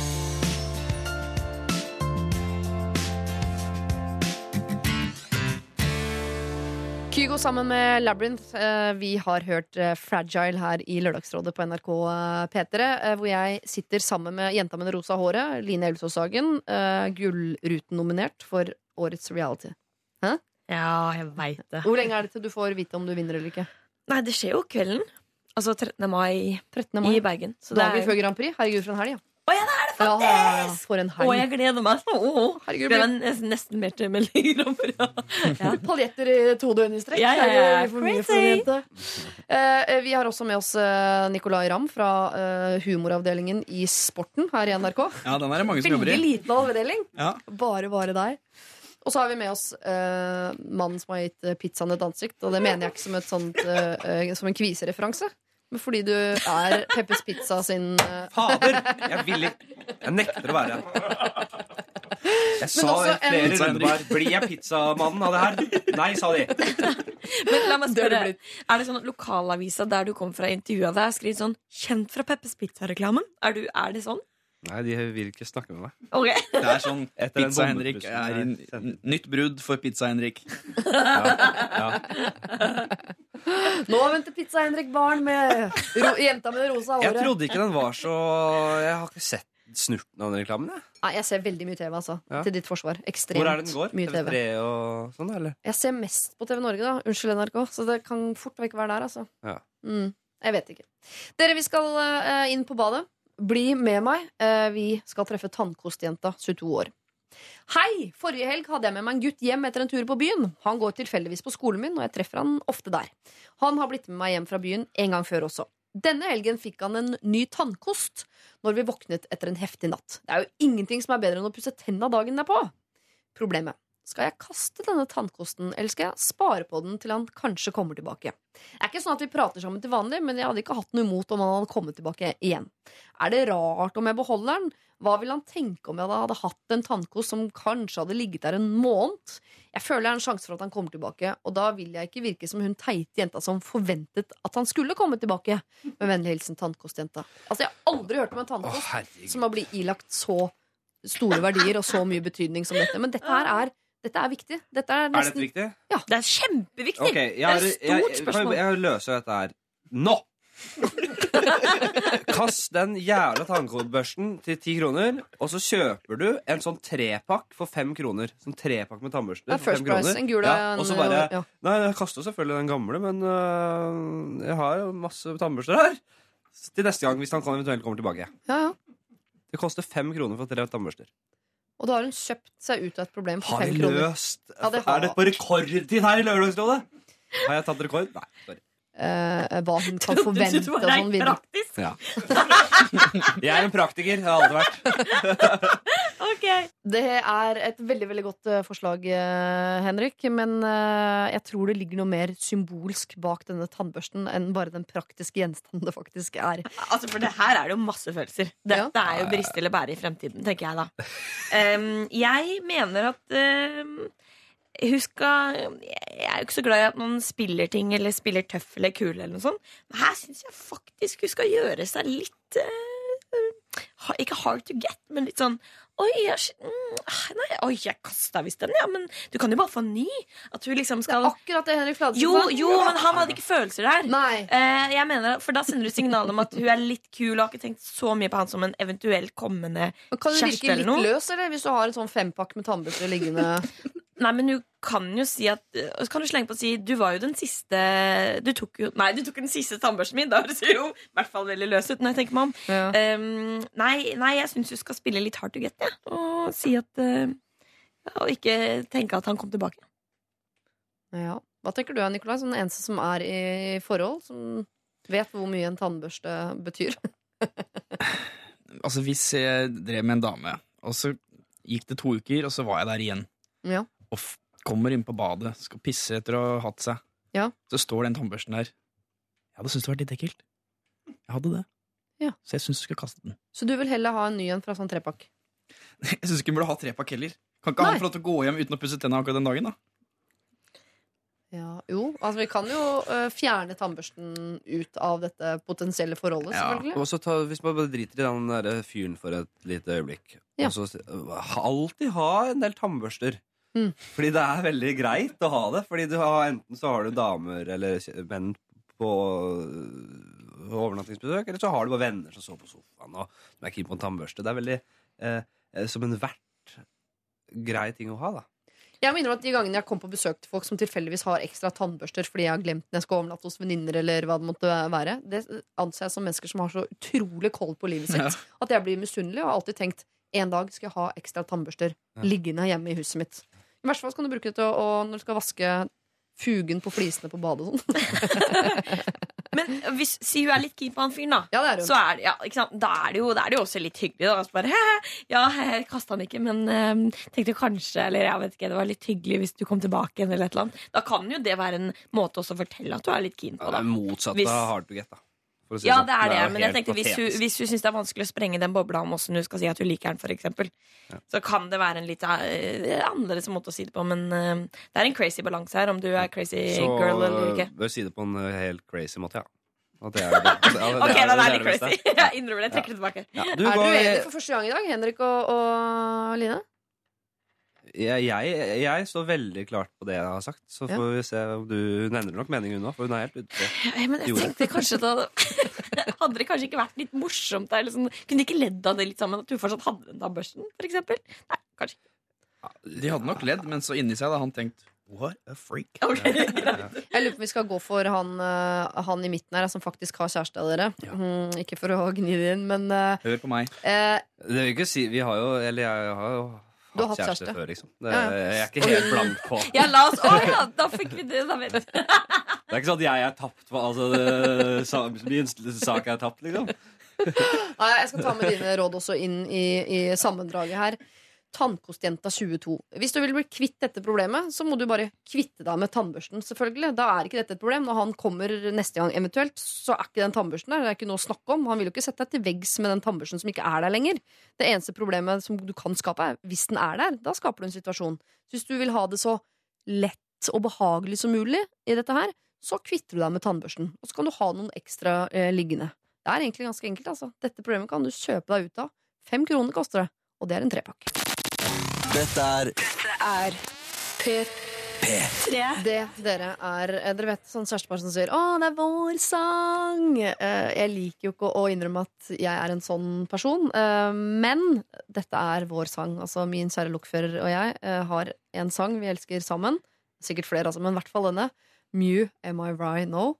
Den, eh, altså I alle de åtte årene hvor vi var på dealeren før vi ble sammen, så eh, ble jeg med han hjem noen ganger i løpet av disse åtte årene. Jeg fikk jo litt sånn eh, vann på hjula innimellom for å holde det hele gående. Da satt han på uh, Mew-CD-en, uh, Frangers, den første liksom, som uh, slo han her. Eh, satt på den, eh, satt vi og hørte på den, og innen CD-en var ferdig You know! Oi, oi, oi, ja, ja, ja, ja. Sikkert sånn 56 minutter eller noe, da vil jeg tro at Det hva den ganske- varer. Ja, jeg vet ikke hvor lenge det varer. ja, Men vi, ja, vi pleier å være ferdig sånn at vi kunne bare ligge og høre på den siste låta, som er sånn musikalsk lang, ganske Å, det eh, er pompøs greie. hyggelig. Det er fine greier, ass. Minner. Jeg var skeptisk når du starta. Du var Det var jævlig kleint. Det var vår sang. Men, uh, Men det er vår sang. det var koselig, det her. Dere, vi skal ta morgenens siste problem. Og for alt jeg vet, så handler dette problemet om en av dere. Mm. Det er Mona som skriver inn. Hei, flotte lørdagsråd. I januar var jeg på et standup-show og så en av mine store favoritter. Jeg orker ikke nevne navn, det blir så teit. Da showet var ferdig, dro jeg og venninnen min ut på byen, og på utestedet møtte vi min store favoritt, og vi kom raskt i snakk. Det var veldig hyggelig. Han virket oppriktig interessert i meg og mitt liv, og vi snakket om alt mellom himmel og jord. Kvelden endte med at vi utvekslet nummer før vi gikk hvert til vårt. I ettertid har jeg fått én tekstmelding av han. Men jeg, så jeg har så forferdelig lyst til å snakke mer med han. Jeg tør ikke å sende han en melding først, for jeg er redd for at han skal oppfatte meg som crazy fangirl. Mine spørsmål til dagens råd er det faktisk bare dere som kan svare på, i og med at dere er kjendiser, dere også. Så jeg lurer rett og slett på Er det mulig for en kjendis å bli tiltrukket av en crazy fangirl? Burde jeg ta kontakt eh, med han, eller kommer han bare til å bli redd? Hilsen Mona. Er det deg dette, Henrik Fladseth? Du er den eneste standup-komikeren eh, blant oss. Um, Send inn en melding av Henrik. ja, jeg, kan, eh, jeg kan faktisk sende henne en melding til oss. Er det deg? Ja. Nei! Nei. Er det? Nei, det Er er, det ikke, det er ikke. Nå lurte jeg på Nå tenkte jeg på Skal jeg Skal jeg dra den helt ut? Eh, nei, jeg tror ikke det er meg. Men det kunne vært deg, da. Hva, hva hadde du ønsket at Mona skulle gjøre? Du har jo faktisk gitt henne nummeret ditt, og du har til og med sendt en tekstmelding. Så det kan ikke være så gærent. Nei, men Det er ikke Hollywood det her. Eh, hvis man møter en dame på byen, og som, sta eh, som standup-komiker, så er eh, Man er ikke liksom Man kan leve et vanlig liv selv om man er standup-komiker, og like en jente man møter på byen, som har sett et show. Der trenger ikke ha noe å si i det hele tatt. Så du tenker at dette møtet som Mona har opplevd, det er møte mellom to mennesker? Ikke en Og, for, ja, og, og hvis du har noe problem med det, her, så bare svær helt åpen på det. Si eh, Jeg vil ikke at du skal oppfatte meg som en crazy fangirl. Men, Er man ikke litt crazy når man sier det? Ja, ikke plant ordet crazy fangirl, for det er, det er først da det ordet dukker opp hos han, tenker jeg. Mm. Ja. Ja, ja, jo da, sant det. Uh, men eh, nei, for, bare send, send han en melding. Ja. Men skjønner dere at det er ekstra vanskelig å komme bort til sånne som dere og sjekke dere opp? Nei, altså, jeg, jeg, jeg tenker jo at eh, de har jo utvekslet nummer. Hadde ikke denne fyren vært interessert overhodet, så hadde jo han bare sagt takk for hyggelige komplimenter, nå må jeg gå tilbake til vennene mine. Ja. Og så det øyeblikket vært over. Men han har jo faktisk sendt henne en melding. Han har jo tatt innskjær! Ja. Da må jo hun tørre å ta inch tilbake, da. Ja, fordi jeg skulle likt å vite hva som sto på den meldingen, og som- hvorfor det stoppa der. Altså. Ja. Mm. Uh, der kan man, man kan kunne tolket mye ut fra det. Men det er vanskelig å vite, for I ettertid har jeg fått én melding av han. Det kan godt være hun har sendt fire, og han har svart på den ene. Ja. Ikke sant? Det vet, vi vet ikke det. Da, da må man være litt forsiktig, er tenker jeg. Ja. Men, eh, men herlighet, hadde, ikke- hadde ikke folk Altså hadde ikke Mette-Marit kanskje på et eller annet tidspunkt approacha kronprins Haakon, så hadde jo heller det aldri blitt noe. På en eller annen måte Se hvor flott det går i dag. Så tenker eh, man må bare Gjør det egentlig det, eller er det bare fasade? Jeg vet ikke. Jeg tror de har et helt sykt sexliv, de to. Ja, det er min teori. Når man ikke skjønner Dette er ofte svaret på par man ikke forstår utad. De har noen sjuke greier gående. På soverommet. La oss late som det er paparazzi rundt der.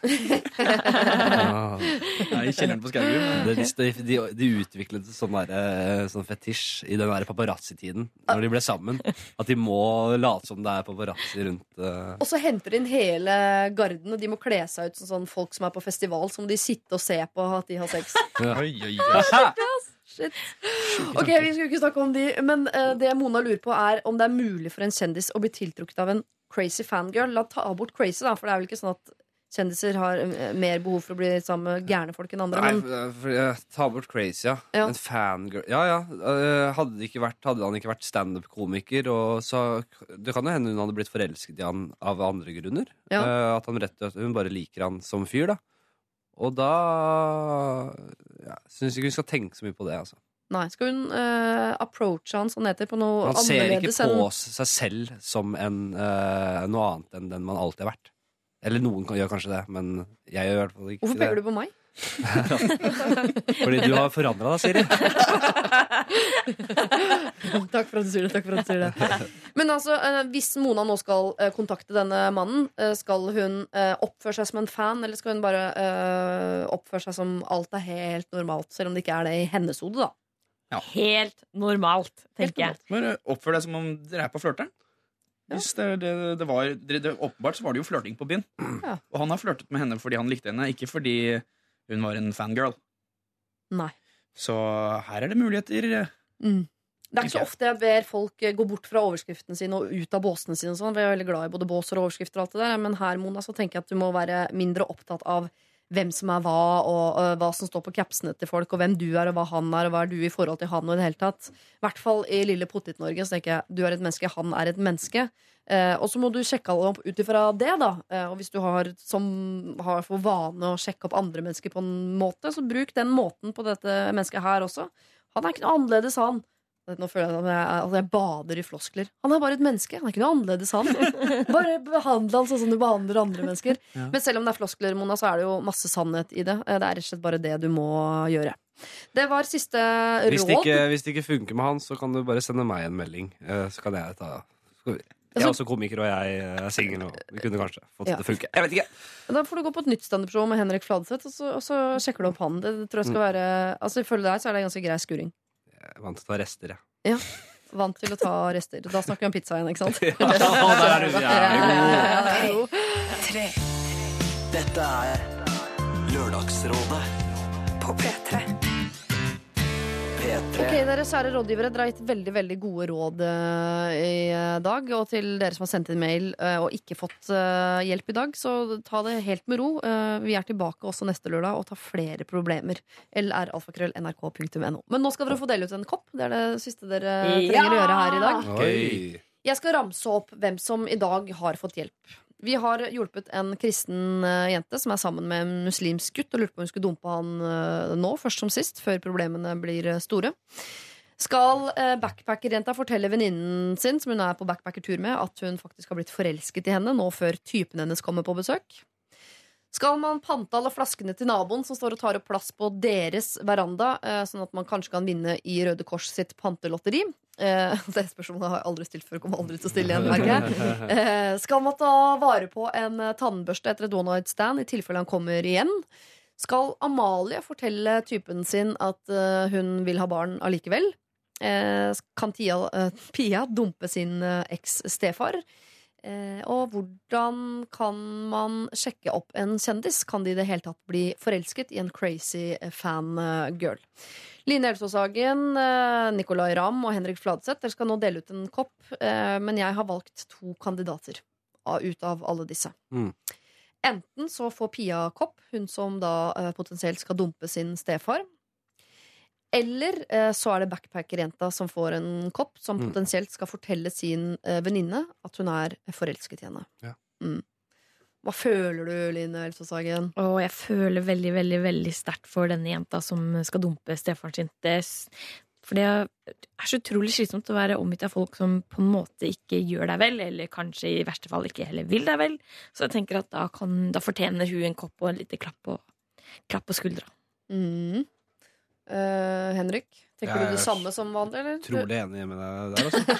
Ja, men jeg er det. Dere to, ass. Ja, jeg, jeg, jeg, jeg, ble jo veldig fascinert av historien til denne backpackeren. Ja. Denne lesbi eh, lesbiske backpackeren sådan. Uh, men uh, jeg syns uh, hun trenger den der koppen, den der eh, klapp på skulderen. Fordi hvis hun følger rådet vårt, i hvert fall. Vi var jo nesten enige her. Om Ja. at du ikke, ikke skal kvitte deg med de som gir deg dårlig energi i livet. Da trenger du en kopp på veien, fordi det er vanskelig avgjørelse. Vanskelig valg å ta. Ja. Og så er Du mente jo at hun ikke skulle dumpe sin uh, stefar. Eh, Jeg husker ikke nøyaktig hva du mente at den backpacker-jenta skulle si. Du mente vel at hun skulle si det, men ikke si det, alt ja. på en gang? på en måte Ja, men legge det fram, og så løser det seg. Ja. Det var det jeg mente. Men hvem mener du skal få koppen, da? Nei, den må gå til hun andre, hun med stefaren. Fordi vil- hun trenger det. Hun Backpackeren har jo ute på tur, hun har ikke behov for en kopp. vet du. Nei, det er sant, det. Mm.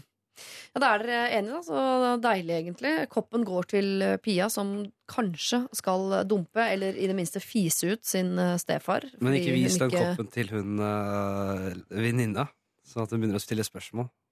Men nå er det hun som skal dumpe stefaren sin som får kopp, ikke Ja, hun som er på backpackertur. Ja, ja, backpackertur. ja. Men hvis hun hadde fått koppen, Ja, så så ikke hun vise. ikke vise den. Eh, hvor fikk du den, da? Den fikk jeg på? Radioresepsjonens Nei.